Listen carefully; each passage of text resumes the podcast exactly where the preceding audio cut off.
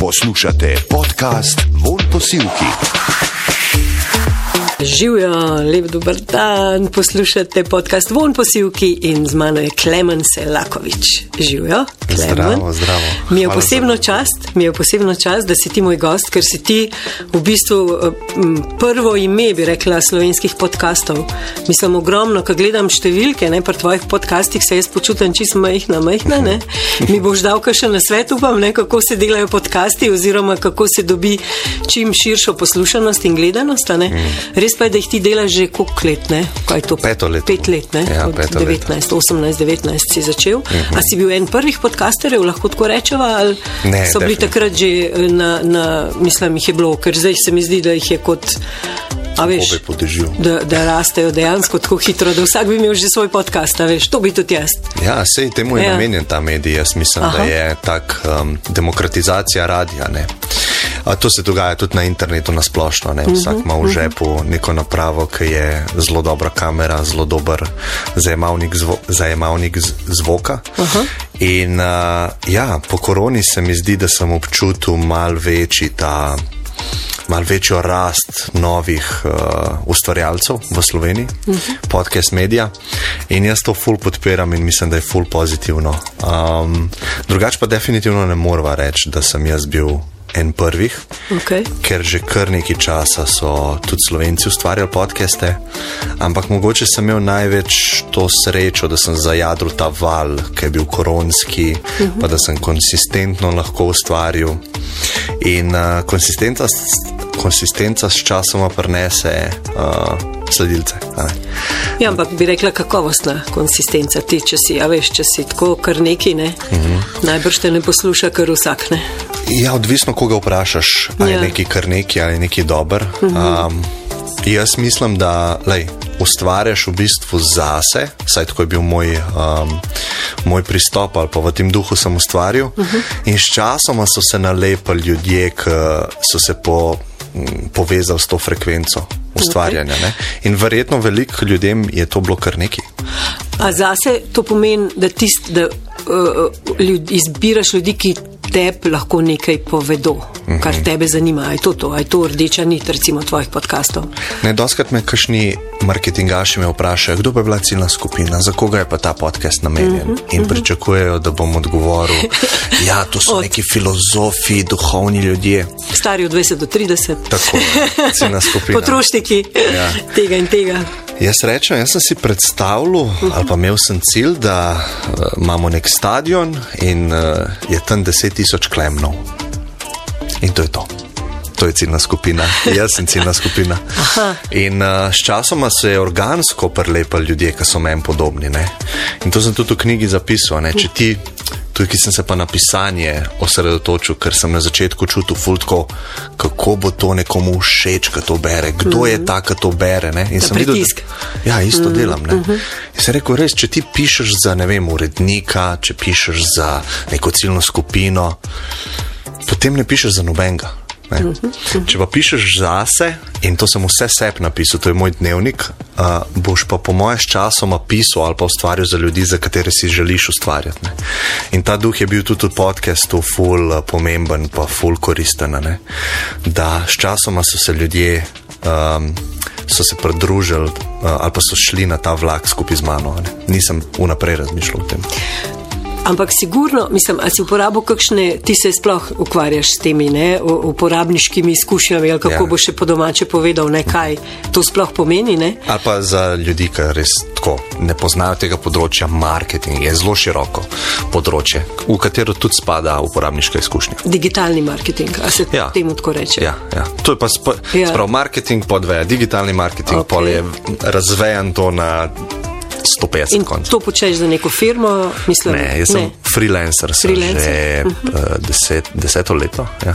tako da svobodnjak delam v bistvu kot um, svetovalec za podjetje. In te je to znanje pomagalo tudi pri razširjanju dosega uh -huh. tvojih poslušalcev. Izredno. Ja. Izredno. Ja, zdaj, jaz sem recimo, ker, ko sem uh, na začetku svoje kariere, sem bil precej dejaven na splošno v marketingu. Uh -huh. In vsi ti pristopi, ali pa sploh čez dizajn, ne, če uh -huh. pogledava, a veš knjigo, uh -huh. jaz pa oblikovalka sva to. Res vas je spustila noter, ne? res v, v fonte, v barve, v pozicijo, kako bo to. Ka- ka- Kakšna bo izkušnja, ko to odpreš? No, nisem hotel, da je to navadna knjiga. ne. In v bistvu s tem duhom sem ustvaril podke že od samega začetka, ne? kako izgleda, kakšen je občutek, malo ima tega zenovskega, japonskega pridiha, dizajn. Ne? In vse to sporoča ne? na podzavestni ravni. In zdaj, koliko je to pomagalo, ne vem, jaz mislim, da je. a ne. Ampak ta znanja mm, so mi ful pomagala, pri vseh projektih mi pomagajo. Kakšno izobrazbo imaš? Jaz sem uh, dokončal srednjo zdravstveno šolo, potem sem videl, da me to ne zanima. Uh, še dobro, da smo imeli prakso, tretji in četrti letnik, da se Aha. lahko v praksi probaš, a ne Videl, svoj kaj- poklic življenja. Uh -huh. Zakaj si se Odločil. izobraževal? Ja, in? No, potem pa sem rekel, to ni za me, uh -huh. bom jaz šel um, malo bolj v posel. In sem naredil maturitetni tečaj, to pomeni dodatni predmet na maturi, in sem šel na ekonomsko fakulteto. Tam sem uh, full bil dejaven v marketingu, potem sem pa drugo leto že dobil službo, potem sem pa faks pustil. Ja. Mm. Tako da nimam, uh, nimam uh, diplome, Okay. Imam srednjo zdravstveno, ampak nikoli nisem delal v tem, tako da sem mal bolj tak, tako floatam čez življenje. Pa Kako si pa postal tak eh, marketinški, digitalni strokovnjak? Se pravi, Z delom. kar- Z delom, z branjem, z, Ne, ne. z delom. Z delom. Ja, Samo branje ni. Branje. Veliko ljudi Ja. ja. me kontaktira, jaz bi rad Aha. bil uh, UX designer, to, kar ti delaš. Ne.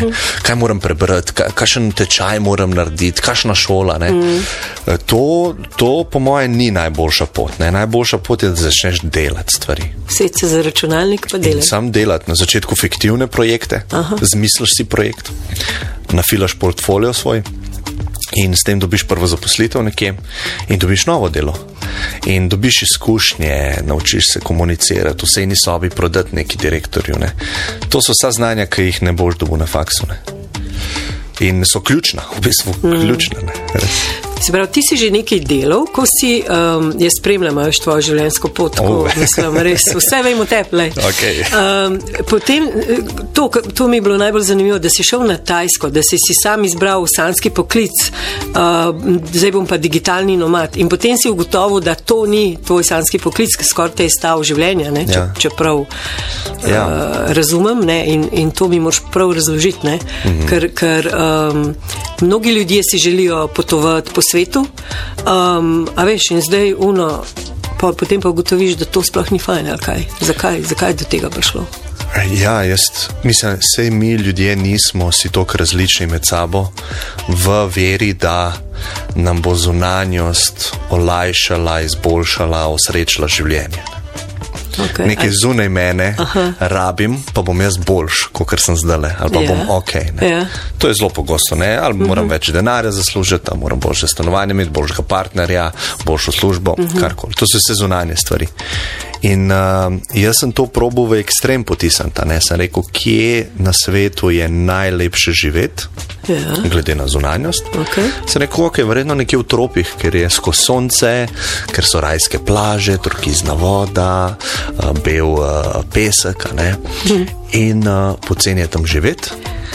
Recimo na Balju, ne, prva destinacija je bila Bali. Aha. In jaz itak lahko delam svojim računalnikom iz kjerkoli, rabim samo Wi-Fi. Kaj če bi jaz bil digitalni nomad in bi potoval po svetu in bi imel najsrečnejše življenje na svetu? Ne? No, in uh, naiven posameznik, kot sem bil, sem se odločil. Kako si bil star takrat? 23, 23, Okej. okay. nekaj takega. Uh -huh.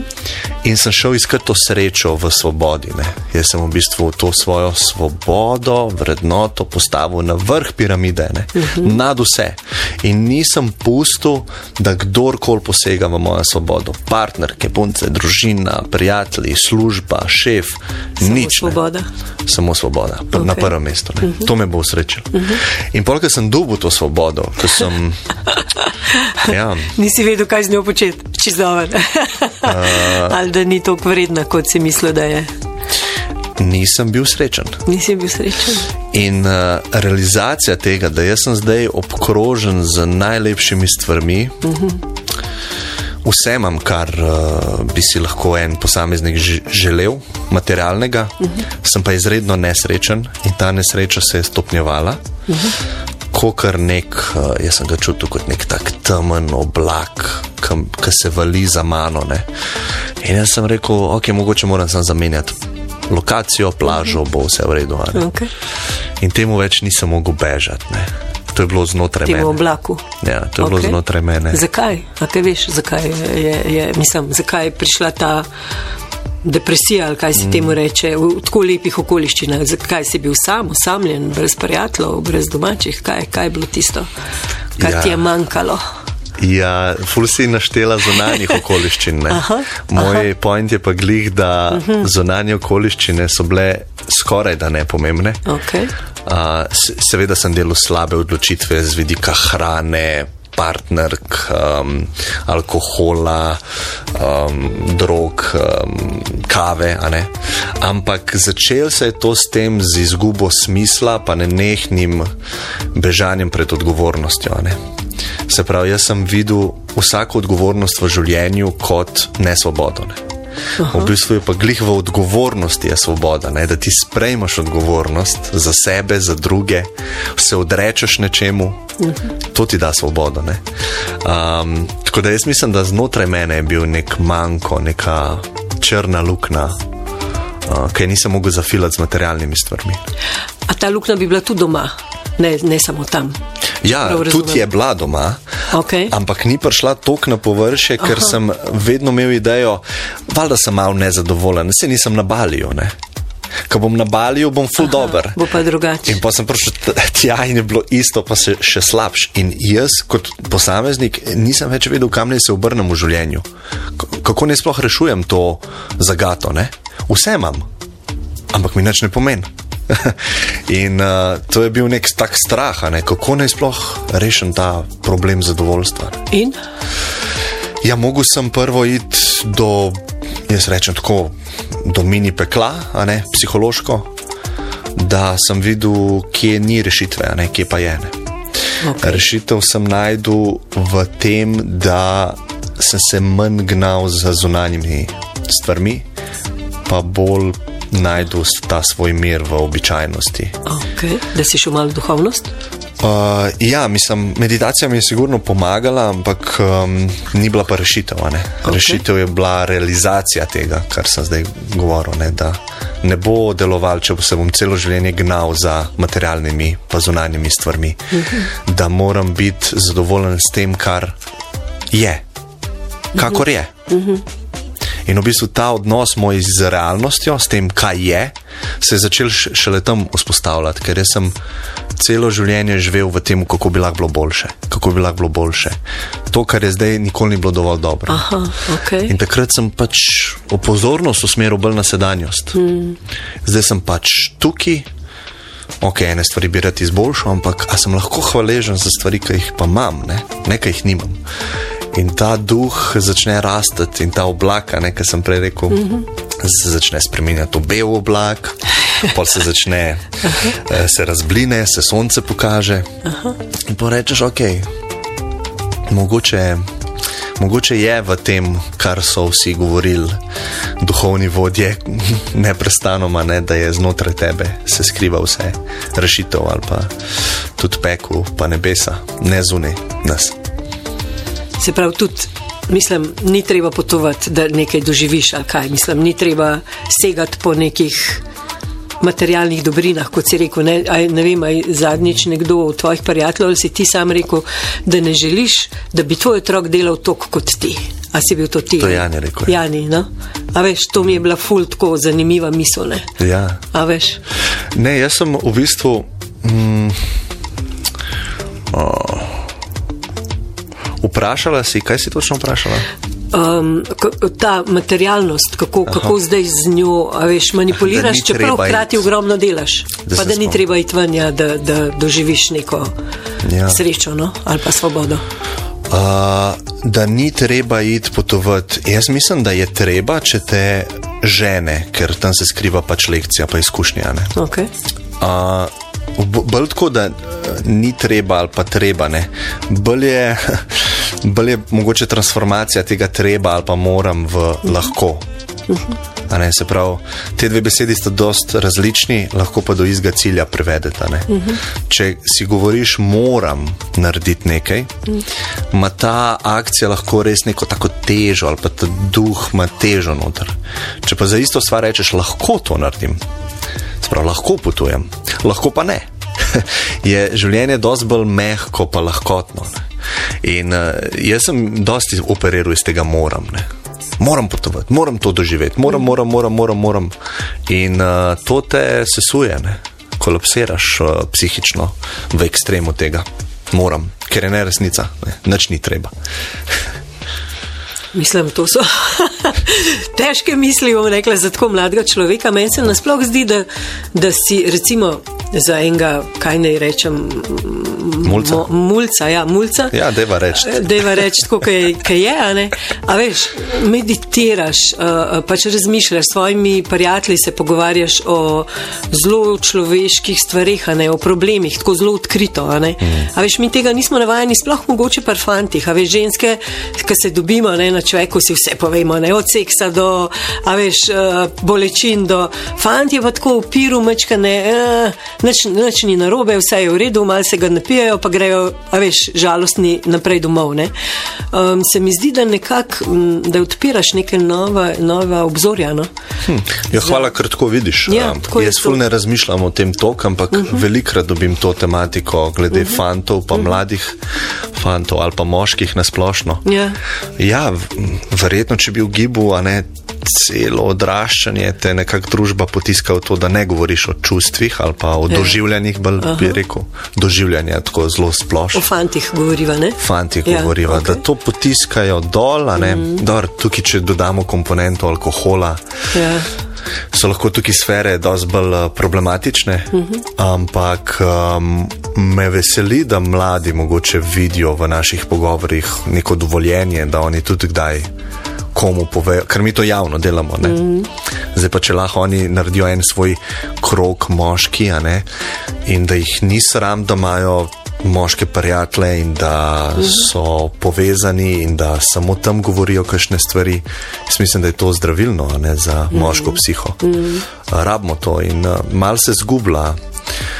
Sploh opažam pri veliko mladih, ki me kontaktirajo, ne so Ja. ja. čisto samljeni, pa uh, večinoma so nedolžni, tudi niso z, z punco še imeli odnosa, uh, starejši so kot 20 let. Ne, in, um, vse te distraktori uh, na internetu, igrice in podobno, jim nekako dajo dovoljenje, da tako živijo. Ne? Se pravi, v svoji sobi so zaprti mm.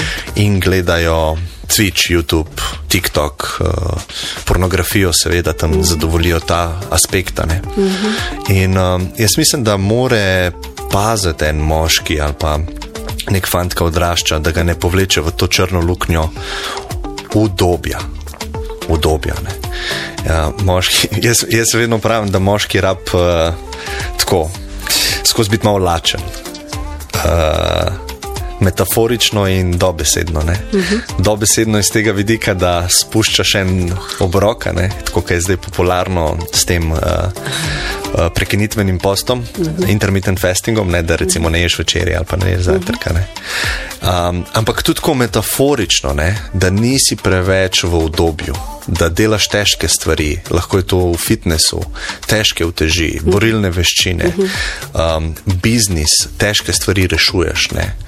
Um, si v oporo ljudem okoli sebe. Ne. Se mi zdi, da so to moške karakteristike, ki se malo zgubljajo s tem udobjem v današnjem času. ne. Vse je tako na dosegu roke in potem ti dušo to ukrade. Zakaj je to dobro, eh, to, to praviš, izven cone obdobja uh -huh. v teh stvarih? Ker karakter um, izoblikuje moškemu. Ne? Okay. Aha. Recimo, mi, ki imamo, Ja. ne vem, velike primerov, a ne, ampak mi s fanti, recimo, furadi hodimo v savno. Uh -huh. In savna po določenih minutah postane izredno neprijetna stvar uh -huh. in si vse noter. Okay. Ja. Zanimiv primer, kako greš iz cone obdobja, da greš v savno, kjer je udobno in bolj ti je majčka nepri, neudobno postane. Ja, ali pa zelo neudobno. Kdor več drži, tisti je Ne. bolj dec. Ne, ne, ne. Ja. Uh, se sem, glih, eh, sem se igral z idejo, da naslednjo knjigo, ki bom napisal, bo v savnah. Zato, ker jaz sem tam. Jaz sem v bistvu tam skoraj vsak dan, že full let in uh, full uh, sem se naučil vse v savni. In uh, Okay, sicer. imam odprta usta za poslušalce. Ja. Re, recimo, ta, jaz tam meditiram ne, v savni Okej, aha. in uh, potem postane, recimo po 15 minutah, postane ponovadi uh, neprijetno, sploh če gre za kakšno zelo vročo finsko savno. Finsko, ja. In uh, telo ti govori, um, pet ven. Ja. Ne, um, zdaj neprijetno je, se pravi, nevarno, lahko umreš. Ampak vidiš, da te signali niso resnični. A Ne? ne. ne. A telo ne ve najboljš, Ne. kar je zate. Ne. Uh, telo ima veliko ve. varovalk. Okay. se mi zdi, da Ja. um, recimo, tudi ko sem naredil tečaj potapljanja na dah, ti oni povejo, občutek boš imel, Aha. da boš čez eno sekundo umrl. Potem imaš še pol minute. Aha, se pravi, uno, že telo je tok, je tok Ja. pametno, da ti prej pove, da Prej ti pove, ven, preden ja. je ja. res nevarno. Ja. Okay. Fule teh varovalk. ne. Ja. In če se pametno naučiš, uh -huh. da meja te res ni tam, izoblikuješ eh, nek karakter. Ne. Um, ali pa pri borilnih veščinah je isto. Okay. Ti Okej. imaš občutek, da ne moreš več, ampak potem še eno rundo oddelaš Odigraš. s trenerjem. Ne. In zdaj, kje je bila zdaj meja? A je bila tam, kjer sem prej mislil, Ja. da je, zakaj sem pa zdaj še 20 posto naredil? Kako je to možno? Čeprav je pri nas v savni že en zdol sklopi padel, veš, ki je bil Vse. na, na tovarkni klopi, ne, pa očitno preslišal te signale in je padel dol in smo ga ven olekali, ne, kaj pa to? Pa je bil izkušen. Uh, Ja, star, star savnar. A je seveda. star, ja. ja, mislim, ja. Deva zvezdico pol tukaj, Okej, okej. ampak uh, ful sem se naučil vse, pa ne. In, um, O teh pre, predstavljanju meja, recimo. ja, predstavljanju meja, pa kje so zares meje, pa če ne delaš z egom, ni nič narobe, če greš čez mejo, ker misliš, da je meja. Okay. Um, ne vem, ker to je tak, sploh v savni je tak neprijeten občutek in a lahko jaz kar posedim ob tem občutku in meditiram In in vidim, pre- kakšen je. Ne, nikamor ne gre, tam je. In pol zavestno se odločam, zdaj pa dovolj in grem ven. ne. Ampak ni pa uno stiskanje zob, ni okay. mučenje, ne? ampak je v bistvu opazovanje signalov telesa. Ne? In to pomeni, da si premagal kaj samega sebe, oziroma ali ta občutek, ali kaj ti to pomeni, kaj praviš v smislu tega odraščanja neobdobja. Ja, v bistvu me- meni to pomeni, Ja. da iluzijo prerežem. Vidim, kaj sem mislil, da je res, pa ni bilo res. Uh -huh. Prej si mi omenil, a veš, uh, izkušnje si rekel, pač alkohol, uh, pač droga, um, ne vem, kje stvari Kofein. si še omenjal. A temu si se ti recimo odrekel v življenju? A veš, ali, ali uporabljaš to, ne vem, zmerno, po pameti ali kakorkoli, če se to da. Uh, alkoho z, z alkoholom nimam dober odnos in ga nikoli nisem imel. Okay, kaj to pomeni, da nimaš dobrega Da ne odnosa? pijem nič. Da ne piješ sploh. Ne, nič. Okej. Mislim tudi. Uh, A ti slabo vpliva na te, ali ga pač ja. Zavračaš, ali kako? Um, v bistvu tako vidim, zadnjič, ko smo imeli uh, podcast v živo na gradu, uh Mhm. -huh. sem nekako porinjen, uh -huh. dobil v roko en gin tonik uh Mhm. -huh. in sem ga spil. In to je bilo po parih mesecih, da sem sploh kapljica alkohola. In ko sem imel interakcijo z ljudmi, uh Mhm. -huh. sem videl, da nimam več te svoje sposobnosti, fokusa, pa pozornosti. A res? Da mi kar malo haja. Ja, ja, malo ja. sem bil omamljen. Pa ti ni bilo všeč? Ni mi bil všeč mm. občutek. Mm. Da z alkoholom na srečo nimam uh, tako dober odnos, ker mislim, da ni tako uporabna uh, droga. Um, Drugače pa s temi klasičnimi psihedeliki uh -huh. sem imel kar veliko uh, izkušenj, koristnih izkušenj uh -huh. za mene in veliko sem se vse naučil, um, ne uporabljam pa tega. Uh, recimo, da enkrat na leto imam vodeno izkušnjo s terapeutom z kakšno psihedelično drogo. Um, to je pa to. Kavo imam rad, ampak probam jo zmanjševati, ker mi je žučni sistem mal nahajpa. Aha, in ne, mar, ne maraš odvisnosti, se mi zdi, ne? da, ja. Mislim, da hočeš biti uno. Ja. Dr, držati se, ne, se v, v, ali pa imeti kontrolo, ne vem, a si kontrol frik, recimo, Ja. če rečemo bolj grobo. Ja, verjetno nažalost sem mal. Ja. Mm -hmm. ja, oziroma me je strah, če nimam kontrole. Ne. To sem mm -hmm. sploh v teh izkušnjah z psihedeličnimi mm -hmm. substancami prva stvar, ki jo vidim, ko neham imeti kontrolo nad svojim umom, uh, me zagra panika. In uh, sem mogel kar se naučiti, ali pa se učiti tega odnosa pred neznanim, ali pa stvarjo, ki je v kaosu, nekontrolirana. Ne. Mm -hmm. Tako da, ja, verjetno imam, imam rad kontrolo. Ne. Ampak vsem probavaš, ne? Ja. Kaj, ker ti širi zavest, ali kaj, ker ti pokaže kakšne druge vidike mm. tebe, ali kaj. A ti imaš kakšne izkušnje? Uh, ne, ne, ne, nimam. nimam. Um, Ja, težko je povedati na hitro. Se pravi, ja, spremenjena stanja zavesti so to, -hmm. in iz tega spremenjenega stanja sem jaz sposoben videti sebe in druge in svet -hmm. v mal drugačni luči. In iz te luči ali pa iz te perspektive se lahko naučim veliko stvari, ki jih pol nazaj prenesem. Ne? Se pravi, ne gre za to, da jaz moram biti uh, pod drogo, da nekaj dojamem, -hmm. ampak gre za enkratno učenje, ki je Eh, dokončno. Veliko stvari sem se naučil in nisem rabo nikoli več še enkrat preveriti. To recimo, da smo vsi povezani v neki taki subtilni ravni, kot ti duhovni hipi govorijo, da smo eno. Tako. Uh -huh, uh -huh. tako stvar sem jaz začutil dobesedno in to me je spremenil zavedno ne rabim še enkrat tega občutiti, da, da, da bi se tega spomnil. In mislim, da iz tega lahko izhajajo kakšne koristne, moralne uh, stvari v odnosu mene do narave, do drugih ljudi, s katerimi delim svet.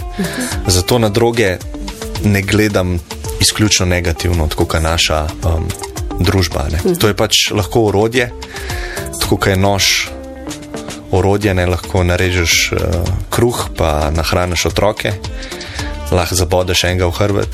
Um, hmm. v, sam, v nožu samem ni morale. V človeku, ki uporablja to orodje, odvisno od njegove modrosti, je, kako bo izpadlo to orodje. Hmm. In uh, psihedelične substance, uh, gobe, LSD uh, in podobno, ne, to so orodja, ki jaz mislim, da imajo potencial um, za veliko pozitivnega seveda ob nespametnih uh, uporabah, pa tudi veliko negativnega. Mm -hmm. No, kar je ne navadno mogoče za kontrol frika, kakršen ja. sva rekla, da si, a veš, da jih uporabljaš, ampak ob nadzoru razumem, ne? da pa če ja. ti res prinesejo neka nova spoznanja, ki jih potem uporabljaš v konkretnem svetu in življenju. Ja. Okay. Uh, napisal si tudi eno fajn misel, meni se zdi fajn, da mora biti v življenju vsega ravno prav. To se mi zdi zelo modra misel, ki jo je težko, po moje, uresničevati. Ne? Ampak je pa misel, ki bi se jo mogoče moral vsak, vsako jutro človek povedati. Ne? Uh mhm. -huh. veš, se pravi to, kaj neko iskanje ravnovesja, uh. -huh. um, ne pretiravati, ne, ne s to, kar s mogoče s kajenjem ali pa s hrano. Recimo tudi um, ravno danes sem bila na um, tej predstavitvi knjige od Uroša Ahčana, uh mhm. -huh. ki je rekel, kako pomembna je hrana v življenju. Ne? A veš, da, da če bi več vedeli o, o, o hrani ne, in kako se prehranjevati, da bi vsi mm, živeli mogoče bolj, vem, bolj pametno, bolj zdravo. Bolj, a veš, a ti kaj veš o tem, mislim, se kaj s tem ukvarjaš? Ja, kaj tudi to je vsega ravno prav. Ja, ja. z ravnovesjem. Jaz mislim, da je dobro, da se človek uh, ukvarja, ampak uh mhm. -huh. ne z akcijo ampak z pozornostjo. Zato, okay. ker na nek način, jaz, jaz se fully upravičujem, kdaj za filozofiram, ampak tako mi um deluje. Poločasih nisem razumljiv. Za zdaj ti še sledim. ja. ja. Ravnovesje? Ja? Mi smo vedno v ravnovesju, samo ne A zavedamo smo? se. Ja. Ja, jaz, jaz, mislim, pa, da, jaz pa mislim, da ne. Ja. A veš, da radi pretiravamo. Ja, ampak na dosti dolgi časovni skali ja. je vse v ravnovesju. Ne? Se pravi, to, da sem neko obdobje pretiraval, ja. je bilo za mene nujno potrebno, da sem se nekaj naučil in okay. potem sem šel ja. v drugi pol pogledati. In sem rekel, ops, zdaj sem šel predaleč tudi v ta pol. In se pravi, mogel sem imeti obe točki, da sem vedel, kje je sredina. Ja. Brez teh ekstremnih točk, uh mhm. -huh. kje pa sploh je ravnovesje. Zato jaz mislim, ne, da se ne rabimo ukvarjati toliko z ravnovesjem, ne, uh -huh. pa z akcijami, uh -huh. ampak samo s pozornostjo, se pravi z, z naravnanostjo umsko in potem akcije same sledijo. Ne. Če si ti ljubezniv do sebe, uh -huh. do drugih, boš jedel bolj kvalitetno hrano avtomatsko. Če ješ junk, neki neko luknjo hočeš zakrpati. Ne? Ampak če se tega ne zavedaš, če nimaš pozornosti, to pač delaš in si v neuravnovesju. Mm -hmm. Zato jaz mislim, da pozornost reši vse uh, težave, uh, ne akcije. Ne? Z akcijami delamo full napak. Preveč popravimo stvari. Ne, mm -hmm. ne vem, uh, uh, Hamas napade, Izrael, Izrael odgovori. Ne. A veš, to je vse tako, pa nočem se zdaj na kjer koli stran, ampak sem uh mhm. -huh. hočem povedati, da akcije vedno. Povzročijo. Vedno povzročijo kontraakcijo, reakcijo. reakcijo ja. In uh, včasih je boljš noč narediti. Hmm. Se pravi, ne popiti alkohola je hmm. veliko bolj uh, uporabno, ko kar ful se ukvarja, da popijem dost vode. Mhm. Čez dan, veš, kaj imajo te flaške, pa si ja, nekdo si z aplikacijo mera, sem 2 litra vode. Ne? To je v bistvu akcija. Ne, ne akcija je pa ne bom alkohola popil, ne? ne bom dodal. Soli, cukra, ne, vem, ne bom mm. sladice. Ne. Mm. Se mi zdi, da za odstranjevanjem stvari, za ne akcijo, naredimo ful več dobrega, kot z akcijami. Mm -hmm. Ampak tudi akcijami ni nič narobe. Ja. Zdaj, ko smo omenili to tajsko tvojo, pa, pa bali, pa tako, ti še vedno potuješ, oziroma greš na tajsko za dva meseca, če prav vem, pa tam si s prijatelji ja. in tudi tam snemate ne, v nekem ja. mirnem, mirnem okolju, zadnje morje, nobenega šuma, nikjer ne snemate pogovore na ne vem koliko stopinjah Celzija. Um, tudi te dialoge, ki jih delaš, ne, čeprav so tudi trialogi in ne vem, kvatrologi ali kaj so že, ne, um, tudi delaš s prijatelji, ne samo sam. Kako, mislim, kako si prišel do teh prijateljev, kako si prišel do tega, da je na, na teh potovanjih lažje biti z njimi? A je to una izkušnja, ki je bila slaba, a veš povzročila ali kako? Ja, v bistvu eh, eh, tista izkušnja me je naučila ene zelo pomembne stvari, uh -huh. da so najpomembnejša stvar so odnosi v življenju. Hmm. Seveda, odnos do sebe, o katerem smo prej govorili, okay. ampak odnos do drugih. Ne. In uh, ko se začne človek tega zavedati, ulož več energije ali pa pozornosti v to in si naredi nek krok bližnjih prijateljev, ki mu veliko pomeni. In slučajno so moji prijatelji zelo podobni meni in mojemu načinu življenja, se pravi, imajo neke biznise, um, lahko delajo iz kjerkoli. In um, valjda je sčasoma prišla ideja, kaj pa če bi mi skupaj hodili na Tajsko za dva meseca. Vzeli neko hišo v najem, pa imeli tam WiFi, pa lahko delali. In um, je lepš uh, z prijatelji biti, kot sam, no, tako izredno lepše. Um, to je v bistvu odnosi, so, se mi zdi, da k hrana, dobesedno. Ne? Naša psiha v bistvu to res rabne. Res, res rab, tako kot vodo, pa hrano. In uh, se mi zdi, da celotna ta individualistična družba, katero sem tudi jaz sam veliko promoviral, hm. uh, pozablja to, da je to kot hrana, pa kot voda. Ne? In uh, dobro, do, dosti tega vpliva prihaja iz Amerike. Ne? Ampak um, mislim, da so vprašali pred nekaj leti, koliko ljudi lahko pokličete, če imate um, neko res uh, težko situacijo. Ne? In je bil najpogostejši odgovor dva, ne, pred 30-40 leti.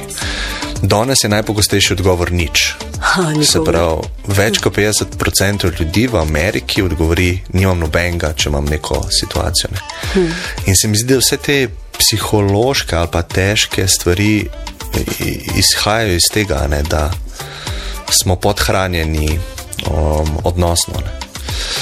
In um, tega sem se jaz takrat začel zavedati in se rekel, nikoli v življenju več ne bom pustil da bi bil um, sam. No. To pa pomeni, da moraš drugim biti uh, v oporu tudi ti, ne, če hočeš mm -hmm. uporo nazaj. Ne. Mhm.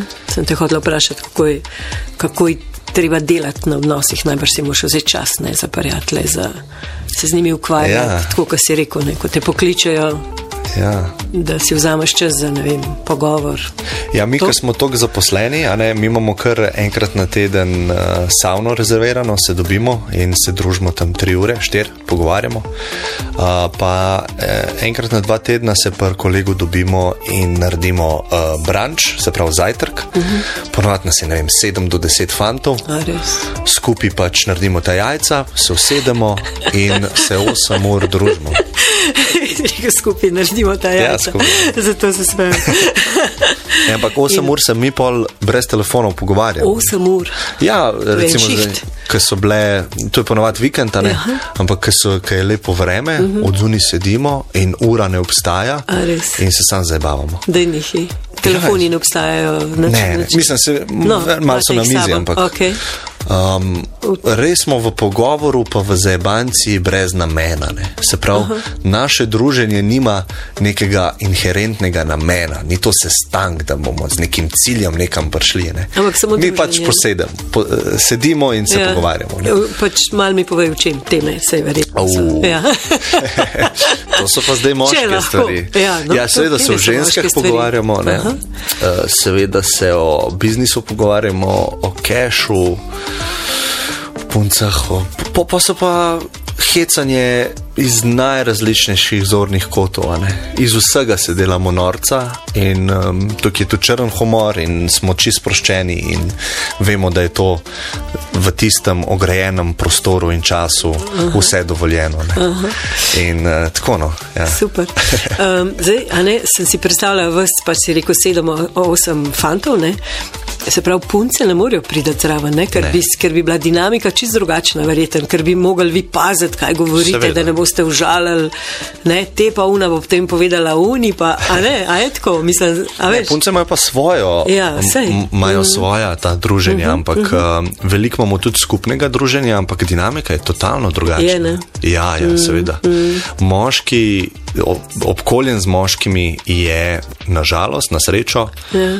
drugačen in prav je tako, da je drugačen. Ne? V različnih kontekstih si drugačen. Mm. Tako da zdaj sem jaz drugačen kot svojimi frendi. Mm. To ne pomeni, da sem neautentičen, ampak mm. imam več delov sebe, ne, mm, mm. ki so primerni enkrat za to, mm. enkrat za drugo. Ne. In tudi do tega druženja je prišlo spontano, ali ste se potrudili, veš, da vas je tako sedem? Potrudili? Ja, moramo se potruditi. zanimivo. Se to je pa ena stvar, ne? mi, Ja. ja. mi ki se menimo, pa prek Murja imamo enkrat na leto, na, um, smo v eni hiši in smo tri dni tam. In to so stvari, ki jih mi moramo dati v koledar. Ne? Aha, Mi jih damo v koledar, da druge stvari, sprejmejo. drugih stvari ni. Ne? drugih mm, stvari ni. Mm. In klej mora biti vsak posameznik, in cela ta družba je taka, mm. zelo uh, ekstremen pri uh, držanju tega prostora, ne? ker se zavedamo, da je ful pomemben. Ne?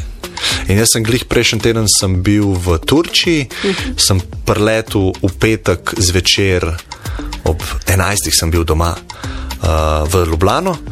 Uh, Fantje so že bili v eni koči, uh -huh. jaz sem pa takoj zjutraj se zbudil ob 8 in sem šel tja. ne. Po, po, po, po, po tej Turčiji, po poti, a ne zmatran, lahko rečeš, mahne.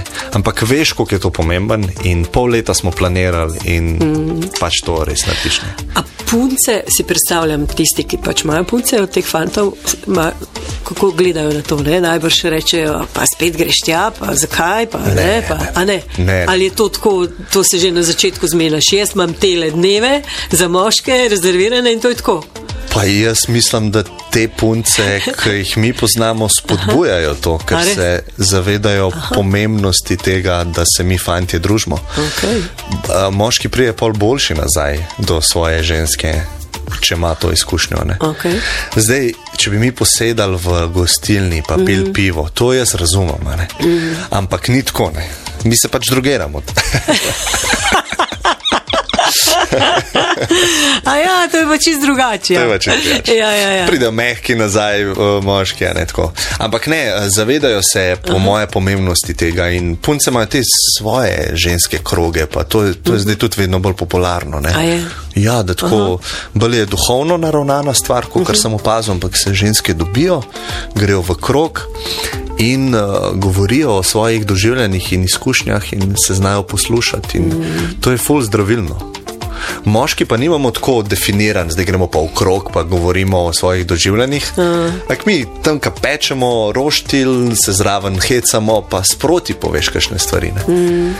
Tako da, ja, jaz ne vem, ti mladi, a ne, ki poslušajo dialoge naše. Ja.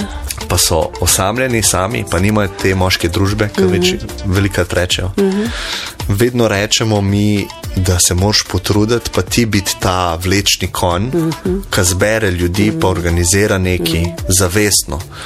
A ne poklič par mm -hmm. frendov, pa reč, gremo skupaj kampirati v gost. Ne vem, zmišljujem si zdaj, mm -hmm. karkoli. Mm -hmm. uh, in zavestno je to tre, treba delati, ne čakati. Ne vem, odnosi ne delujejo tako, se mi zdi. Na, na vabilo, ne čakati ja. na vabilo nima smisla. V ne, bistvu mislim, sam prideš nekam, kamor si povabljen, in pol nisi nikamor povabljen, in pa si sam. Ne, ne ti moraš zavestno organizirati in s tem boš drugim pomagal, um, ki si to stvar omogočil. ne. Uh, tako da, ja. Si rekel, da je to za dušo, a si rekel, da so to stvari za dušo, ne? da, So. da se duša hrani, hran, hrana za dušo. a Ne? Se pravi, odnosi. In odnosi so najbolj pomembna stvar ja. v življenju, ki jih je treba vzdrževati. Negovati jih, ja. Negovati Ja. kot rožico, a ne? tako kot Ja. ne vem, ljubezen. Tudi pravijo, ne? da je treba vsak dan zalivati. Ne? Von posilki. Spravil si se pisati knjigo, oziroma ne- nekje si rekel izjavo ali pa napisal, da si oddelal pet let, čeprav, čeprav se spomnim, oziroma pač nastajala je verjetno hkrati s tvojimi podcasti. Tako, ja. Uh, dve leti pa intenzivno, ne? A sem prav povedala? Prav, ja. Tri Kaj- mesece pa zelo intenzivno. Tri mesece pa zelo na koncu, kaj je že uno deadline, ki ti visi Ja. nad glavo. Ne. Ja. Um, moram reči, da je knjiga zelo nenavadna. Uh, ti si mi poslal PDF, hvala za zaupanje. Ne, Mhm. Ej, k, veseljem. ja, nisem ga nikomor drugemu pokazala, seveda, da ne. Um, mi je bilo pa res, mislim, nisem, ne vem, kaj sem pričakovala, ampak eh, sigurno ni bilo tisto, kar sem pričakovala. No, to je dobro slišati. Ja, um, tako spet mogoče zelo modra knjiga za tako mladega človeka, kot si ti. Um, modre misli, ki jih potem razvijaš, tako kot si rekel, rad zafilozofiraš. In, um, ampak hkrati je pa zelo razumljiva, zelo tako. Um, ni, ni kot en priročnik, ampak kot misli, misli človeka na določeno temo, ki jo pač izpostaviš v, ne, v sto teh misli. Je. In tudi nisi zelo, da bi rekla, razglabljal na dolgo in široko, v bistvu je tega pojasnila, teh misli zelo malo. In um, nekako, kako bi ti rekla, nekako me je ta knjiga pomirjala, kadar sem jo šla prebrati. Mm. Brala sem tako poglavje, mogoče eno, dve, nič več, na večer in me je nekako pomirila. Zdaj, To je zelo lepo slišati. A veš, to, tako tok, lahko povem. Um, pa zdi se mi zelo tako v bistvu samozavestno od tebe, da si pisal o stvarih, ki niso enostavne. A veš, ker to so lahko, ne vem, vodilo v življenju nekoga, ki ne, mogoče ne razmišlja sploh, ne. A veš, um, in je neka odgovornost, a ne. Uh, morda, ne vem, če ti to tako vzameš, mm. ampak se pravi, lahko se tudi bere kot priročnik ali pa kot razumevanje sveta. Um, ni pa nujno, seveda, lahko jo pa bereš samo kot neko, se pravi, kot neko pomirilo, mantro. Ne vem, sploh nimam, nimam besed. Ja, v bistvu jaz si ful ne bi želel, da se to vzame kot priročnik ali pa kot uh, neke zapisane nasvete, Aha. ki jih mora kdorkoli upoštevati. Jaz sem v bistvu se ful s tem uh, bojeval, kako napisati to, kar verjamem, pa da ne bo izpadlo kot nasvet, ker dejansko ni. Ne? Uh -huh. Jaz ne vem, kaj je za kogarkoli dober. Resnično to mislim. Ne? In uh, to, to težavo ali pa to blokado sem rešil na način, da sem rekel, to je dnevnik men. Jaz sem v bistvu vse pisal. In na začetku parkrat v obeh vodih zelo direktno, jasno prosim in izpostavim, da to noben ne vzame kot na svet ali pa kot resnica. Tukaj noter ni resnica, no. tako v tej knjigi. Okay. Uh, in to ful resno mislim in to mislim tudi za cel moj podcast, ki ga ustvarjam. Ne. To niso, ja, to niso navodila za življenje. No. Tako. In odgovornosti tukaj jaz ne mislim prevzeti nobene, zato ker mislim, da je fulbol vredno, da mi, posamezniki, sprejemamo odgovornost za svoje akcije, pa ravnanje, pa miselne procese. Mm -hmm. Ker, a veš, ta knjiga te lahko napade z nekimi svojimi mislimi, nekaj vidiš na. TikToku, nekaj vidiš na televiziji, nekaj vidiš v eni drugi knjigi, in zdaj so vsi te odgovorni za moje slabo ravnanje in moje slabo življenje. Ne, ne, to je začaran krok in slepa ulica. Ne. Jaz mislim, da moram jaz odgovornost popolnoma prevzeti za to, kar se nalep na mene. Ne. In uh, tukaj, jaz ne vem, en bo to videl čist drugače, kot sem jaz mislil. Kako ne jaz zdaj odgovornost prevzemem? Mm. To je mm. taka filozofija, ki je tako zelo ohlapna, pa zelo lahko jo razumeš na različne. Uh, načine, in uh, vsak, ki bo to bral, bo videl to z drugimi očmi, svojimi očmi. Ne? Tako da sploh ne bere moje knjige, ampak svojo. In to velja za vse knjige. -hmm. to velja za vse, kar zaznam v življenju, vse ljudi, a ne vedno sebe v bistvu zaznavam. Ne? Nikoli za res drugega. Uh, zakaj si začutil potrebo, da jo napišeš, pa prej si že omenjal drugo knjigo, ne se pravi, že ja, v, mislih, vsi, v mislih že pišeš ta drugo. Um, ja, lani, me, lani smo naredili eno uh, posebno izdajo knjige, ki je vsebovala sto najljubših citatov mojih, um, od mojih gostov, uh -huh. in um, samo sto izvodov smo naredili. 100 evrov je stal izvod, in um, razprodali smo tisto v šestih urah. In tisto me je totalno presenetilo, hm. da sem se res usedel in rekel, da pa ta pravi izvod probo narediti. Ne. Jaz bom vzel teh 100 citatov, ampak to bojo nastavki za poglavje. In tako je v bistvu ta knjiga ratala iz lanskega eksperimenta za Božič, ker sem hotel res neki nek lep izdelek narediti. To je bila taka knjiga v škatli na milimeter, vse eh, zmerjen, ena gospa je na roke to naredila, vse. Um, in produkcijski strošek tiste knjige je bil 100 evrov. Ja, tako da je bila čista nula, ampak hmm. uh, ful sem bil vesel, no, da so ljudje videli, da imajo to pol, tako, to škatlo na, na neki policiji. Ne. Tako da ta je pa navadna izdaja, ne. to pa probamo dostopati. Probam dostopati do ljudi, ki ne poznajo medija, podcastov, ampak so izključno bralci knjig. In če jih lahko jaz tam prepričam v knjigarni, da kupijo to knjigo, pa spoznajo, da obstajajo podcasti, ne, ne moj dotično, ampak na splošno, uh -huh. uh, se mi zdi, da je to fajn. No. Tudi tega si se lotil tako, ne marketinško, ne, kot ja. sem videl, ne, še šest ur, ne, da prodajo ja, knjige, ja, ja, ja. a veš, pa še ne vem, če bite ne, za predavanje v Sankarju in tako, ne, se še povezal v, v nek uh, angažma, ne, mislim, ja. v šopek aranžma. Ja. In, uh, Mislim, kako, kako gre zdaj s tem? Ja, nevredno. ja, bi rekla. Tako da, ful, bi rekla. Ful tep tudi hvala za povabilo, no, da lahko govorim o tem. Mm -hmm. Ampak ja, mm -hmm. kako je bilo? Ja, začeli smo v sredo.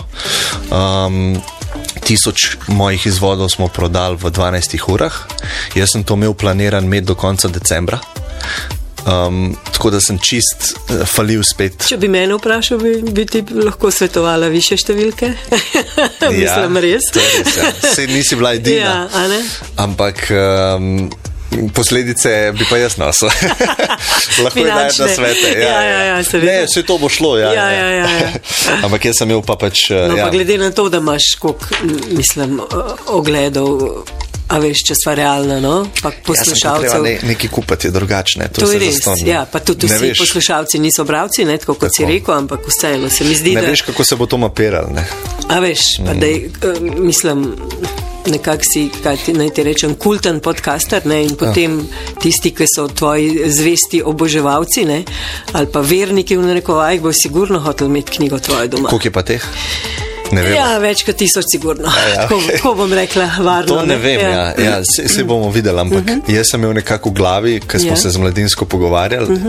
-huh. Mene tako, moj ego vedno tako zanima, pa kaj je bilo najboljši dan, ki ste ga imeli v zgodovini. Uh -huh. Zdaj ne vem čisto točno, če so mi rekli pravilno, uh -huh. ampak. Enkrat so ene knjige prodali 600 v enem dnevu, okay. in to je bilo maksimum. Ma, to je bilo, -huh. tako sem tudi z njihove strani, to je bilo res nekaj izrednega, okay. izjemnega. Uh -huh. In moja, pač moj ego je takoj si postavil celo v glavi, ok, jaz bi jih pa tisoč v enem dnevu. Uh -huh. In pol, to smo dosegli v 12 urah, uh -huh. in um, vse od zdaj naprej je plus, in uh, nimam več pričakovanj. Tako da. Uh, iskreno, no, jaz sem čisto zadovoljen, in kar se te, tega tiče, je projekt uspešen. Že videl, zdaj, kam gre. Pa, pa si komaj začel. Ne? Ja, ne, čez dva dni se šele začne prodaja v uh, knjigarni. 8. novembra. 8. Ja. Ja. Ja. Se pravi, takrat boš šele videl tudi dejansko. Po moje konc leta. Se pravi, ste pa na tis naredili še preden. Ne, v bistvu mi smo imeli kar veliko naklado. Okay. In uh, jaz sem imel tisoč knjig, uh mhm. -huh. ki sem jih razprodal, danes pa dobim številke iz mladinske knjige, tako da ti ne znam. Aha. Aha, so, ni, nisva še tam. Nisva še Mi tam, boš ja. sporočil za, za, za druge ljudi. Zanimali, ja. ja. um, recimo moč družbenih medijev, ne, tudi uh, zdaj si me spomnil na zvoneta Šerugo, ki je prejšnja leta, bi rekla, bolj s težavo prodajal svoje knjige. Uh, a veš, ljudje jih enostavno niso tako Aha. kupovali kot zdaj, kot ko je pač na um, Facebooku recimo, in ima ogromno sledilcev in so ti pokupili njegovo knjigo tako kot še nikoli. Zdaj, verjetno je tudi to. Kaj misliš, da vpliva na, na prodajo? Na... Ja, jaz mislim, da odnos, ki ga imaš s svojimi sledilci, ne, da ja. je ta res iskren, pristen uh -huh. Uh -huh. in uh, da ti zaupajo. Ne. Jaz ne prodajam, jaz, jaz nikoli nisem imel sponzorjev in jih nikoli ne bom imel. Ne uh, in ne bom prodajal nekih stvari, v katere ne verjamem. Ne?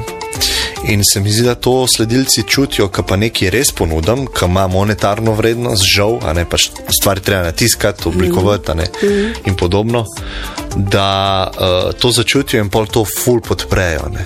Tako imam jaz vedno občutek za te stvari, ki jih jaz dam ven, da oni. To, so dobili vsebine za ston v petih letih, uh -huh vse je na YouTubu, vse je na Apple podcastu, ne? to je za sto, nikoli ni treba več bilo plačati. Uh. -huh. Eno knjigo bom pa valjda kupil, ne, kot zahvalo. Da bom pa tudi 20 postov damo od dobrodelne, od mojih um, vseh prihodkov. Uh -huh. Tudi to, kar se bo v, v mladinski prodajal.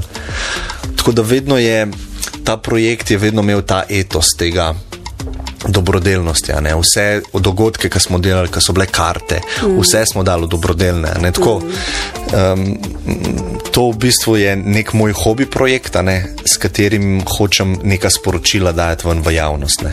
In eno izmed sporočil je tudi dobrodelnost, uh -huh. drugo sporočilo je mogoče ta avtentičnost, pa pristen, iskren odnos z temi, ki te sledijo, da jih spoštuješ, da jim ne prodajaš uh, sesalcev, uh -huh. s tem ni tudi nič narobe. Um, Ampak ja, bolj, bolj sporočila ven dajem, kot kar o, črpam finančno ven iz njega, ne? ker je to čisti minus za me že pet let. Ne? Ta projekt. Se pravi, ti to delaš poleg službe, a ne se ja. reče redne službe, ja. s katero se ukvarjaš, rekel si, da si freelancer. Um, to, uh, to a idejo ti omenjaš kot neko skupnost, skupnost ljudi. Ja. Um, kako to doživljaš, oziroma koliko ljudi je dejansko za tem, ali si to ti sam? Aha, ekipa. Ja, ekipa, tako je. Ja. Ena, dva, tri, štiri, pet, šest ljudi, ja. poleg mene. Ki počnejo kaj? Uh, družbena omrežja, uh, tehnična montaža, uh mhm. -huh. priprava za TikTok, potem imam eno asistentko, ki samo pač pomagam iz vsem, ne, ne vem, uh, z gosti, ki jih vabim, pripravo za goste. Vem, uh, take stvari. No. Uh, potem imamo eno organizatorko dogodkov, ker zdaj imamo veliko tega. Um, to, to je pa to. Ja. Ampak to se je s časoma dopolnjevalo, to ni bilo od začetka tako. Ne. In kako ti ljudje delajo, mislim, tudi na Na fiksno Na zrak bom plačilo. rekla. Na, na, A ja, ne, na fiksno plačam, plačilo. Ti ja, jih ja. plačuješ. Seveda, Aha. seveda. Tako, tako, da je to gre manjkrat v tvoj minus, ali kaj če tako Sem vzamem. prej rekel, ta projekt je minus. Ne?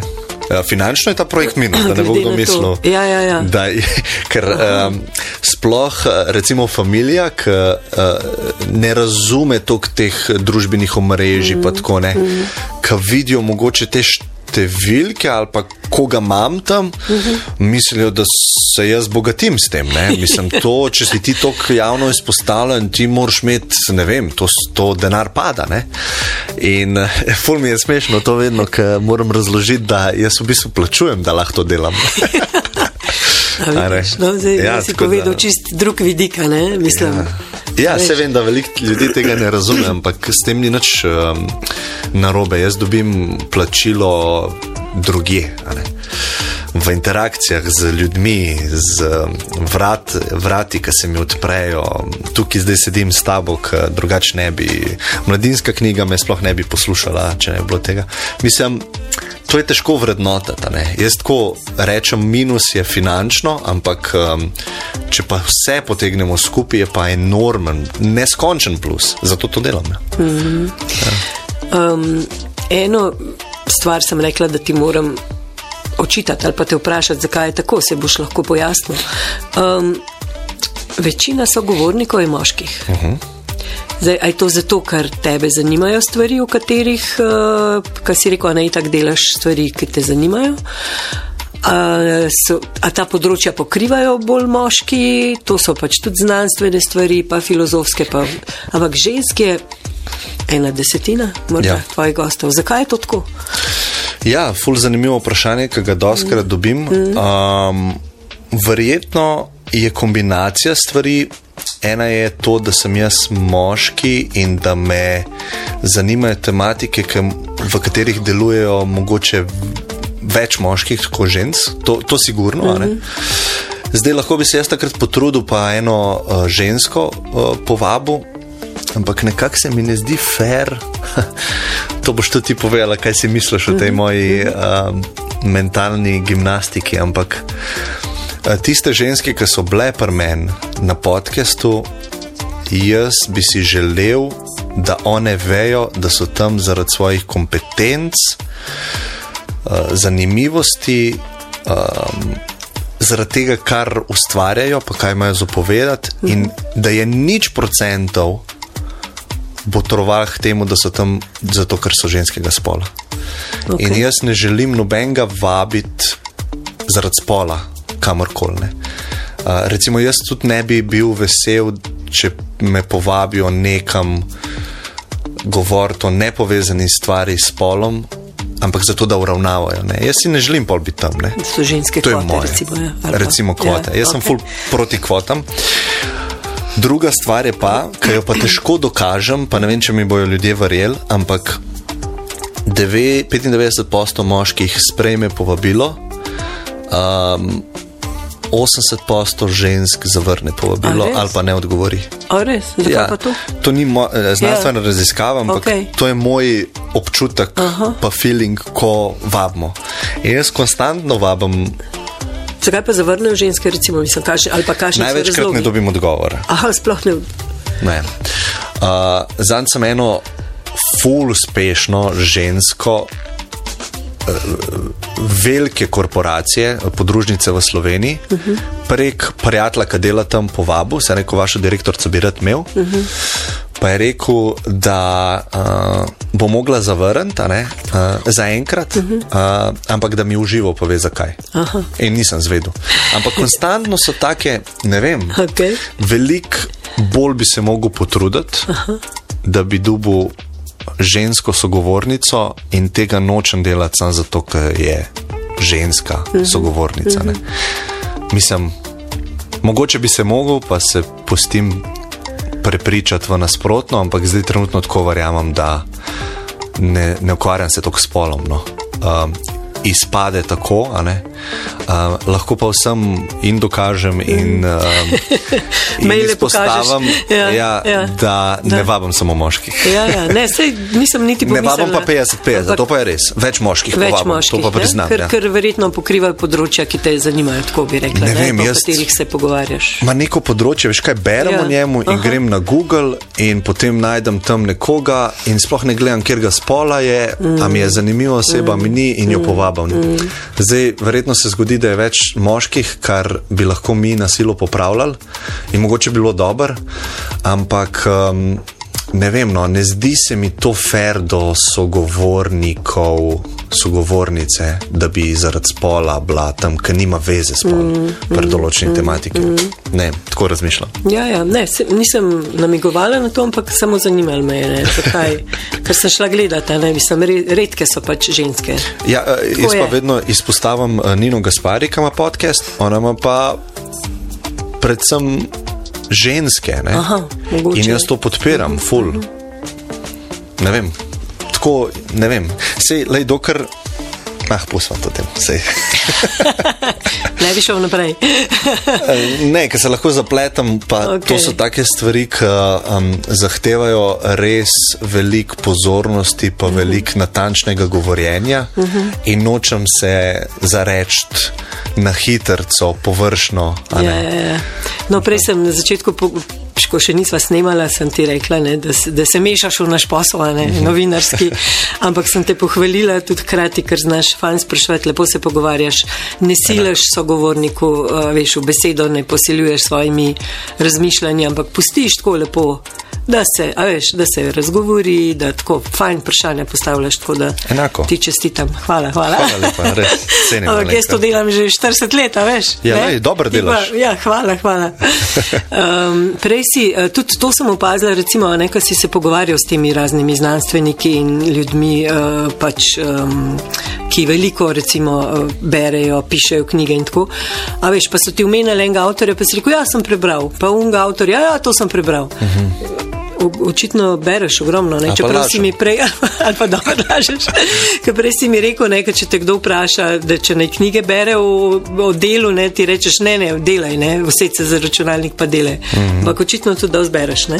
Ja, um, ampak tukaj so cilji čist drugačni. Uh, uh -huh. Tam sem bolj mislil v kontekstu tega, jaz se hočem izučiti neke obrti ali pa Ja, ja, neka ja. znanja hočem uh -huh. imeti, uh, da bom lahko dodano vrednost ustvaril. Uh -huh. uh, boljše je delati, kot kar brati. ne. Okay. Ampak eh, to, kar je pa za dušo, za gušt, filozofija, a ne, to mi je pa fajn brati. Ja. Ja, tako potovati po umih pisateljev, ki so pisali stvari. Ne. To, to je zelo. Zelo smo lahko hvaležni za to, ne, koliko imamo na voljo teksta velikih, velikih, velikih ljudi, ki so živeli čez zgodovino. In uh, sploh to, da pomisliš, da dobiš za 15 evrov, kot stane neka stara knjiga, recimo, ne, dobiš vse življenjske izkušnje ali pa najbolj pomembnejše stvari, ki je nekdo spoznal o življenju, zapakiran v nekaj, kar je on dve leti ustvaril, kako bo to predstavil, kako bo zapisal besede. In to dobiš za 15 evrov. ne. Jaz, jaz res mislim, da je knjiga naj, najcenejša stvar, kar jo lahko kupiš. Hm. Zato, ker kupiš um nekoga mm. za, za 10 evrov. Ne? ne cel um, ampak njegov E. teleran, spoliran um. Košček, pa ja, misli. tako, Ja. katerega, ja, zdaj sam dve leti, ne, eni pišejo eno knjigo 20 let, ne, recimo, imaš Ja. kakšen ali roman ali pa kakšno znanstveno delo, ki Ja. ja. traja še dlje. Um, kdaj imaš čas za branje, kako zbiraš knjige, a veš, kako... Mm. Ja, obstaja eno družbeno mreže Goodreads, um, tam pač malo spremljam, kaj se bere, kakšne so ocene, uh, kateri pisatelji so mi všeč. ne. Tako neko družbeno mreže za knjige. Um, tako da tam dobim ponovadi ideje, um, potem pa imam Kindla. E-bralnik, uh -huh. na katerem večino časa berem zvečer, preden grem spat, to me tudi pomiri, uh -huh.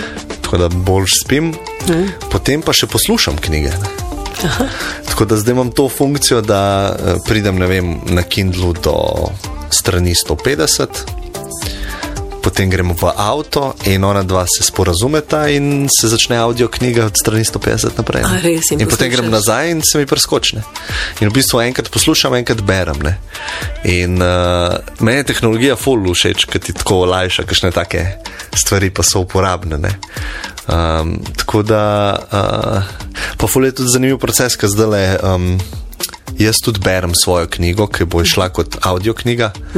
In, uh, Aha, ti bereš, uh, ja. s tvoj glas bo, uh, mislim. Tako. Ja, ja, zanimivo. Mhm. Tako da zdaj sem na koncu ene šest turbo in uh, je naporen proces. No. Moraš vse prebrati počasi, lepo. Aha, razumljivo. Ja, zmotaš se, kaj spet nazaj. Praviš. Torej sem že ne pet študijskih sešnov obravnav vmel. a ne. Tako da. Tu tudi delaš v svojem, v svojem studiu, pač s temi Ne. ljudmi, ki si jih omenil. Ne? To je Ne, pa ne, ne, čist ne. drugo. Mladinska knjiga ima to A čez. res, aha, oni bodo naredili v tem. V Ja. tem. A, zanimivo. Oni najamajo studio, jaz grem tja, imam tehnika, tako le na slušalkah in v bistvu berejo. Bereš, a, Ja. ja. lepo. No, tako sem ti jaz tudi napisala prvi, prvo sporočilo, ne, ke- da, da ko poslušam tvoje podcaste, lažje zaspim. Ne? Ja, to ne vem, če pohvala. A, Ja. si, a si to vzel kompliment, kot Ne, ne, kompliment sem- sem. ali ne, ne vem, ampak ja, uh, res, če zvečer ne morem zaspati, veš, samo ono, Klemen. Selakovič otipkam, poiščem neko temo, ki me zanima, ali pa gosta, ki me zanima in, In se umirim, se umirim, spremljaš, poslušam. dokler gre, pol pa Tako, zaspiš. Pa, pa sploh ne vem, kdaj, kdaj sem zaspala. Ne? In potem včasih, ko se zbudim, spet, veš, slišim, da še vedno ne, A nekaj ja. govori. Imaš Ampak- sleep timer, veš? A, da, da, kaj pa jaz vem, kdaj, a ja, kako pa on ve, kdaj jaz zaspim? Ne ve, ampak eh, recimo to je, ti prej- to je ti prej. podcast. Mhm. in tukaj je tale lunca, uh -huh. to je sicer na iPhonu, in tukaj lahko rečem čez 30 minut, ne? Aha, bom in, zaspala. In on ustavi. Ne? On ustal po 30, Ja, ja, ja, da ti ne eni- gre preveč naprej. Ja. Ta, eh, ne vem, aj najdaljši tvoj podcast je s tem aj strelom, ne? A je? Ne. Dve uri in pol, tri, Ne, tri ure. imeli tudi že štiri ure? 20. No, te dialoge verjetno, Ja, ja. ne? Ampak eh, z enim gostom, ne?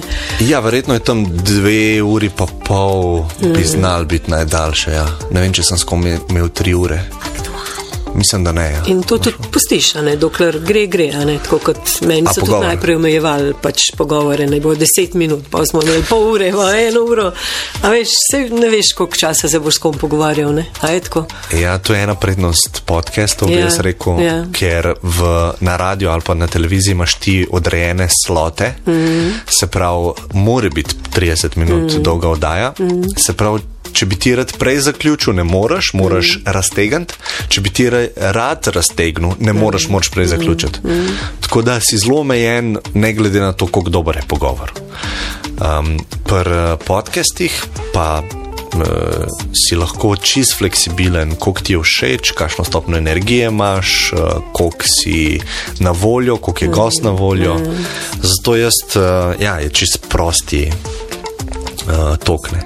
Danes smo imeli s tem Tomažom Gorcem, je on mene intervjuval. Uh -huh. Mislim, da smo tri ure pa pol imeli. To je tik prej, sem sem prišel.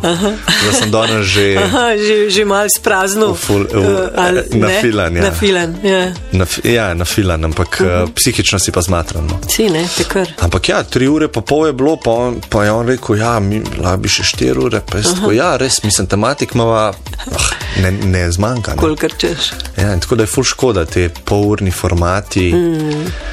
Jaz vedno rečem, da se meni šele po pol ure začne mašina. Ne. O, Zalaufa, dizel. Ali pa sprostiš se. ne. Mm, In gost se sprosti in pride do boljših zgodb. a ne. In škoda bi bilo glih takrat prekiniti, ko se začne. Tudi, recimo, ko sem Denisa Avdiča poslušala pogovor z Denisom, sem jokala zraven, ne, čist mirno, le priznam, da je me Ganu kaj govoril, pač te policijske izkušnje in to in najprej na robu joka, potem so kar solze. No, tudi med temi mojimi podcasti so mi že doskrat tekle solze, pa včasih bi mi bilo mogoče neroden, zdaj pa rečem, ok, jokam, solze mi tečejo, zakaj, se ani to lepo. Zakaj pa ti bi bilo Pa, narodno? mm, Včasih, a veš, nočeš jokati, pa Aha. a veš, včasih si tako, kakšen film gledaš, nočeš biti smera, pa si pa, pa, tako Ja. brišeš solze na skrivaj, ne, če je kdo prtep. Ampak, lej, a ne. Ja, se mi zdi, da imamo moški bolj s tem probleme kot mm. ženske. Zato sem te tudi vprašal. Aha, ja, ženskam je dovoljeno, recimo. Ja, je čistko. Aha, film. Ja. Moja mama je skozi okala. To se spomnim, pa ne skrivala. Ja. Uh, ni pa to eksplicitno kazala, mm. ampak začele so ji teči solze. Ja. Zakaj pa jokaš? Ja, kaj je žalostno. Ja, da je mogla razložiti. Tako da ja, takrat se, se tudi naučiš, ne, ja, ok, mm. ženske mm. bolj jokajo, ne. Mm. Moški pa. Moški ne. To pa rajš, ne. Ni, ne smejo, ne. Ne smejo.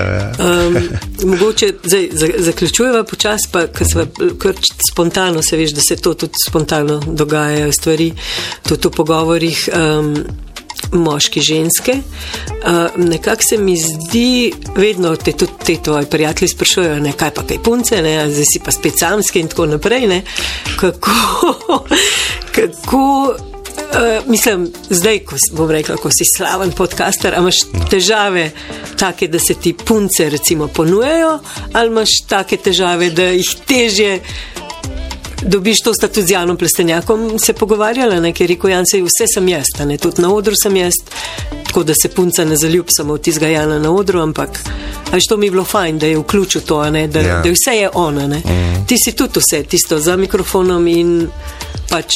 Ja. Kako je ženskami? No? Kako je ženskami? Ja, kako je ženskami? Ja, Če imam težave, ker se mi ponujajo, je bilo ja. vprašanje. Nimam težave Nima. s tem. Okay. Ampak eh, glede te avtentičnosti, ne, uh mhm. -huh. jaz um, imam to srečo, ker recimo jaz se kle z Janom ne bi čist um, strinjal. Uh -huh. Se pravi, on igra pa s tem ni več narobe. Neko persono na odru, nekega zapeljivca, uh -huh. čustveno se punce z njim povežejo na določen način. Uh -huh. Ampak to je persona na odru. Okay. To je uh, performance, okay. performance je -huh. nastop, je, uh -huh. s tem ni več narobe. Uh, ampak jaz pa nimam nastopa, zato ker kako boš tri ure govoril, pa imel masko na obrazu. Mm. Mislim, tudi tud, če bi se probu truditi. To, to zahteva toliko ene energije, toliko pa, pažnje, kaj bom zdaj rekel, kaj ne bom. Ne. Zato sem jaz že to že zdavni ven čez okno vrgu uh -huh.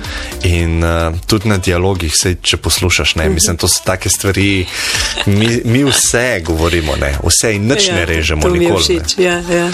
In uh, se mi zdi, da so se ljudje s tem pač poistovetili. Uh -huh. In uh, tudi, ko se dobim z ljudmi na nekem uh, dogodku, ki je javen, pa pride. Pridejo do mene, pa se mm. pogovarjamo.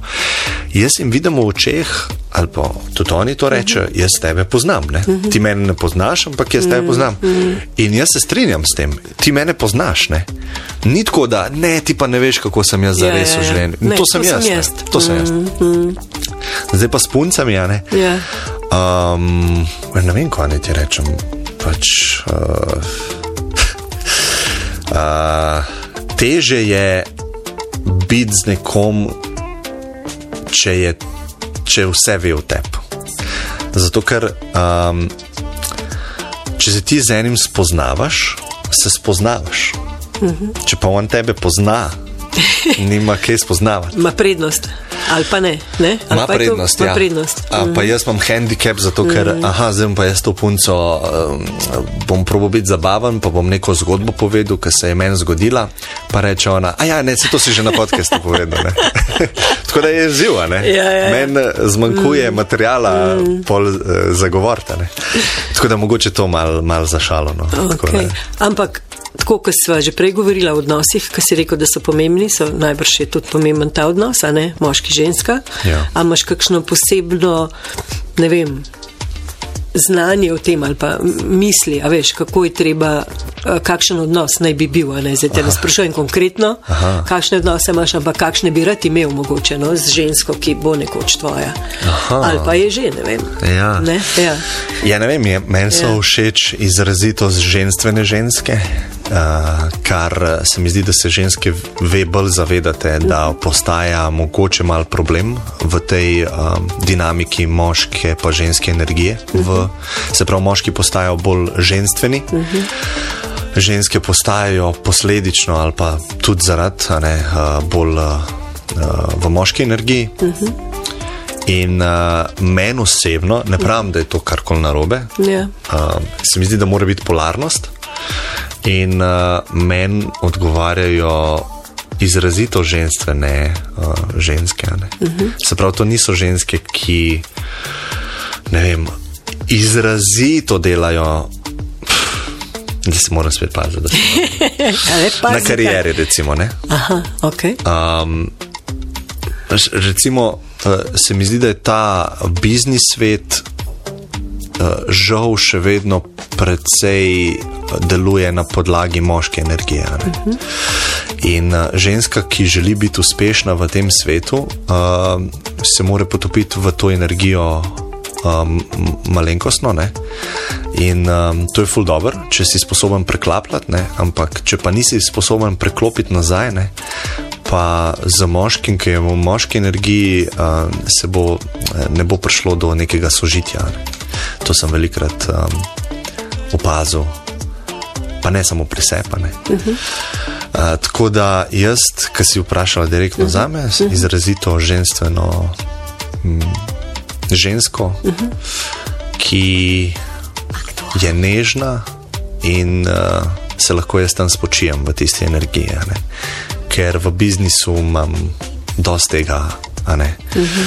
Takih energij, pa takih frekvenc, tam pa je nek tak varen pristan, kjer lahko zaplešava, manj se intelektualno ukvarjava, manj, manj racionalno. No, bom bolj točno rekel. Uh -huh. In je vse na, bolj na bazi čutenja. No. Take ženske me privlačijo, ki čutijo sebe, svojega moškega, svet in so manj v ja, takih moških energijah. Uh -huh. Čeprav se strinjaš, da je svet tak, da zahteva močne ženske, ne moč, mislim. Ja. Mo skoraj ženske z, moški, z moško energijo. Ja, ampak, Če hočeš biti uspešen. Ne? Ja, verjetno res. Ja. Mm. Um, poznam veliko žensk, ki zmorejo to preklapljati in je doma drugače. Mm. Se pravi, če si ti šefica, ne, v, mm -hmm. pa imaš zaposlene, pa mm -hmm. podrejene, ne, mm -hmm. moraš delovati tako zelo. Mm -hmm. In to doma z nekim moškim ne bo tako dobro deloval, razen če bo on polarno v, v, v tisti drugi energiji, uh -huh. kar ni nič narobe. Uh -huh. Sam polarnost mora biti. Uh -huh. um, kar pa opažam, je jaz osebno, da se svet tudi spremenja, uh -huh. da bomo vedno bolj potrebovali v biznisu tudi. Teh klasi, klasičnih ženskih karakteristik, zato ker uh, rabimo več uh, empatije. Um, ker recimo od industrijske revolucije naprej mi smo v bistvu tovarne um, ljudi, ljudi spremenjali v neke, v neke uh, hm, se pravi na tekočem traku, stvari zelo racionalno delujejo. To, zato uh, nalogo porabiš 5 sekund, potem gre naprej nekdo drug in to moraš sistematizirati in je sistem in je racionalna stvar. Ne? Zdaj, ki se premikamo v dobo onkraj tega, zahteva tudi v poslu več kreativnosti, več, um, več te energije. Uh -huh.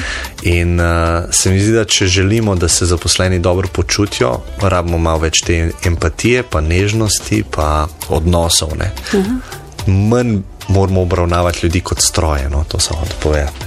In uh, to pa ženske bolj znajo, kot moški. No. Čeprav se nam že umetna inteligenca ne spet uh, veš, bliža z tem, z racionalnostjo. Z racionalnostjo, ja, ampak ja. Še, to je še, bolj uh, voda na mlin na odnose. Kljub temu. Ja, se pravi, če bo umetna okay. inteligenca lahko Aha. Nekaj čistrojno naredila, ne rabiš več ljudi za te uh mhm. -huh. naloge. Uh mhm. -huh. Ljudi rabiš za um, razmišljanje o novih stvarih, za ustvarjalnost. Za ustvarjalnost pa rabiš biti sproščen, počutiti se varno. Uh mhm. -huh. To pa so take ženske karakteristike, se mi zdi. Uh, tudi iz vidika vodenja, ne? da je čist drug način vodenja, postaviti tovarno ali pa postaviti kreativno agencijo. Ne? To sta dva način, druga načina vodenja. In jaz mislim, da ima tukaj ta klasični uh, ženski vidik uh, večjo prednost in bo manj. Uh, Veljal to, kar je do zdaj veljal, kar smo rekli, da je moški svet, uh, biznis svet. Von posilki. Mogoče eno naivno vprašanje za konec. Če bi ženske bile liderce, a bi bile vojne ali ne bi bilo vojne, jaz včasih rečem, da, da vsi se ženske bolj znamo zmeniti. Hmm. Da, da nimamo ta, takega ega kot ne vem. Če rečemo Putin, Zelenski, ne, kaj treba uno zemljo, je treba pa, a veš, ja. ne, nazaj dobiti. Bi bilo zaprotno. Ja. Ne vem, če imam ful izoblikovanje mnenja tukaj, ampak mm. definitivno eh, sem pa kar precej prepričan, da je najbolj miks. Se pravi, miks uh, moške in ženske energije v kateri koli organizaciji skorne. Mm. In uh, tudi mi, pri nas, ne, v naši mm -hmm. ekipi, mm -hmm. večinoma so ženske, ampak. Uh, nas je par tudi fantov in uh, pa, pa 50-50. Ja. In se mi zdi, da to najbolj deluje. No? Govoriš o ekipi. Ajde. Ajde. Uh -huh. ja. In tudi v organizacijah, ki sem bil, so uh mhm. -huh. najbolj funkcionirale ekipe, ki so imele mešano, uh, mešano energijo. Uh -huh. uh, se mi zdi, da drug drugega rabimo in ne smemo moške v koš vršiti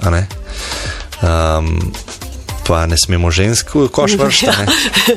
ne vem, Tako da neko sožitje ne, mhm. vsega in mm. uh, valjda tudi v politiki. V politiki, v biznisu, tako kot je v družini, se to je samo neka celica, višja celica. Ne. Tako da oboje smo potrebni. Ne. In se mi zdi, da tukaj imamo tako narativo malo čudno zadnje čase, ker se v bistvu uh, tekmuje spola, ne. v bistvu pa raboš oba, ne. za skoraj karkoli že z, z tem, da novo življenje ustvariš, raboš oba. Zdaj se pa to malo vse, um, ne vem, no, ali meša ali uh, tako. Um, kje se vidiš kot kle, klemen v prihodnosti, kaj boš počel, kako boš živel, kak, na čem boš delal, kje so tiste pomembne stvari, ki jih boš proval uresničiti? Ali... Ja. ja v bistvu, ko ta knjiga uh, izživi svoje, se popolnoma fokusiram na projekt, ki ga delam z Andrejem Škrabo. Uh, Andrej je pred desetimi leti naredil portal Astra.si. In uh, mislim, da se je ja, 35 milijonov ogledov teh njegovih matematičnih razlag. Ja. Se je do, takrat nabralo, vse je bilo za ston. Hmm. Zdaj, po letu, oziroma že po zim, smo se pa začeli ukvarjati s tem, da uporabljamo umetno inteligenco za to, da narediva inštruktorja matematike, ki je primerljiv nekim, neki človeški interakciji. In to smo naredili, in uh, gre dobro, gre super. Tako da se mi zdi, da se bom naslednji let uh, mal potopil v to notranje. Eh, da probava narediti neko globalno zgodbo eh, tudi iz tega, če pa ne globalno, pa že tukaj v Sloveniji, ne? da bi imeli otroci, recimo, ki so mogoče iz uh, finančno šipkejših uh, celic ali pa družin, uh, čist isti dostop ali pa dostop do pomo vse pomoči, ki jo rabijo. Uh, pri razlagi matematike, recimo. Brezplačne. Uh, ja, imamo v bistvu en program, ki uh -huh ko v bistvu podjetja pa posamezniki financirajo štipendije za ogrožene otroke. In um, ja, drugače pa to čistko, storitev, ki jo zaračunavava, ker jo morava, ker od zadaj se poganja ta jezikovni model uh, GPT-4, uh, umetne inteligence. In v bistvu ti z njim imaš interakcijo in um, veš. Se pogovarjaš z njim, kot bi se z inštruktorjem, ne? in za par centov na uro. Ne? Tako da tukaj se mi zdi, da je fulena taka priložnost, da se integrira to tehnologijo v šolski sistem. Ne. Tako da to se bom po mojem ukvarjal. Pol pa, ja, družina, pa da sem dedek, pa pol to. Take stvari. Ali se že vidiš kot dedka? Ja, sem se s Tomažem, tem gorcem, sva se pogovarjala, uh -huh. a, da mi je mogoče zdaj najvišji cilj, da bi bil ne vem, 90 let star v neki sobi za božič in da je ta soba, oziroma dnevna soba, nafilana z mojimi potomci. Ne? In da so mehki, da so dojenčki, da so. Ne, in da rečeš, ok, tole sem pa življenjsko silo sem predal naprej. ne. Vse Baklo. generacije. Ja. Aha. To, lepo. ta, ne vem, zakaj mi ta slika mi nekako vrhaja. Ne, da, So ti ameriški filmi. ja, verjetno. Ja, ja, ja. Indoktrinirali so te. Tako je. Ja. Vse je fajn. Ja. Čim te morajo. Neče se čim te morajo. Ja, ja, Podlego si podlego si. Super. Zdaj sem pa mislil, da boš rekel, da boš imel unga enega, veš, robotka, veš, tako, a si gledal un film, kako, ka, ka ima en uh, v domu starelih robota, ka potem. ja, to pa nisem videl. A nisi videl, to je super film, ti bom naslov poiskala. Da, da, ja. To moš ti videti, nekaj se ukvarjaš s temi, z umetno mm. inteligenco in potem načrtuje ta pobeg in tako naprej. A tako ja. da, ja, ampak Zanimivo. ti, ti razmišljaš bolj človeško. Zaenkrat še, pravi, no. potomci, um, Ja, ja, družina. Kri, meso. Ja. Kri- so- Zaenkrat še. Zaenkrat še Ja. tako, da, da nas ne, ne preplavijo res ti roboti. Hmm. Uh, Klemen, ful ti hvala za tale pogovor, bilo je lušten, jaz sem uživala strinjam, od ja. prvega do zadnjega trenutka. Enako. Upam, da bodo tudi kakšni poslušalci, a ne, mi Ja. bo še ti povedal, kako je pridati eh, do čim večjega števila in tako. Um, Hvala ti za knjigo, ki si ki ti jo bom vzela, ki si mi jo prinesel. Um, in jo bom z veseljem kdaj še odprla in pogledala kakšno stran in prebrala in upam, da me bo pomirila, tako kot me je do zdaj. Ja, Prav? hvala ti, ja, želim ti vse dobro. hvala, hvala enako. čau, čau. Von posilki.